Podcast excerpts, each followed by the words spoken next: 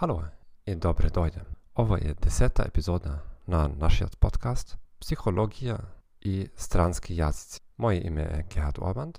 Јас сум психолог, автор книг и преподавател на германски јазик. Овој епизода ќе зборуваме про како треба да реагирате ако некој се смее на вашиот акцент или глас. Се надјавам дека не сте губили останат епизод Теорија на Габриел Оттинген за ментално спротивставување. Минулата седмица сам публикувал новата ми книга, та е во Амазоне.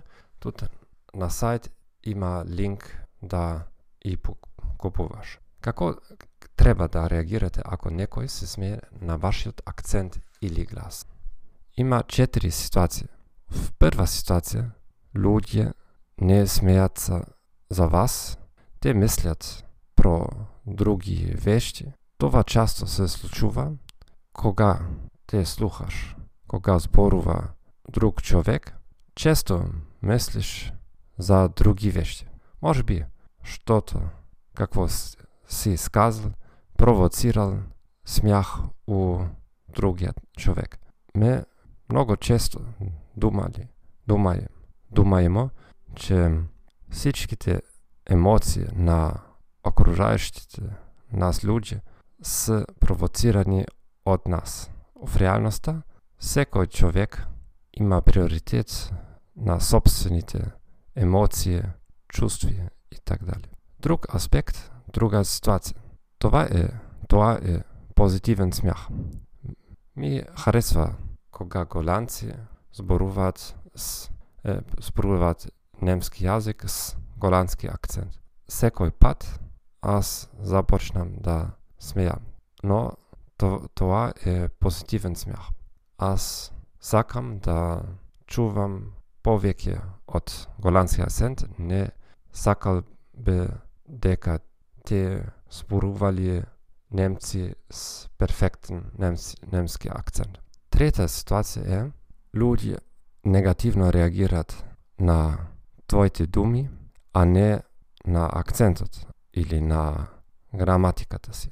Това е многу лесен способ да не аргументираат с теб. Ако береш книга на логика и јас многу тоа рекомендувам, намериш там капитол за избјаквање на аргументирање. Многу известен многу известна техника на избјаквање на аргументациите е атаката на друга, други луѓе.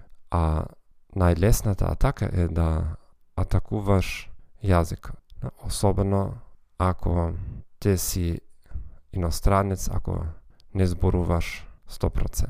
Зошто треба ми да ти одговорам, да дека аргументирам, ако не зборуваш без грешки. Тази ситуација ми случува се секој дан, секој ден. Зашто живеам во чушпината и говоря публично секој ден. Аз видам дека у неколки, неколико студенти в главе има тази мисли.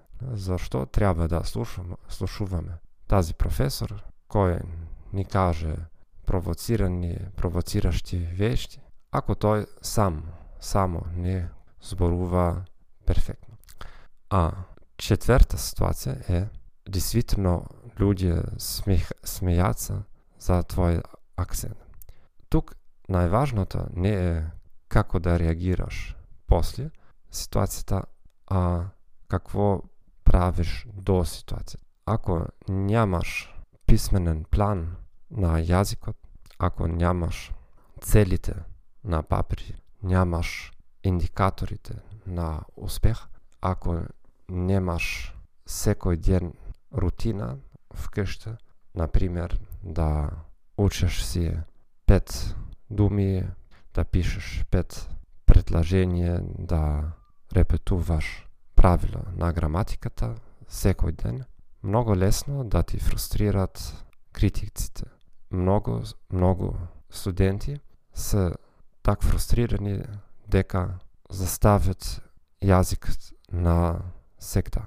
Ако знаеш че дека денес зборуваш подобре за вчера, секој е уред.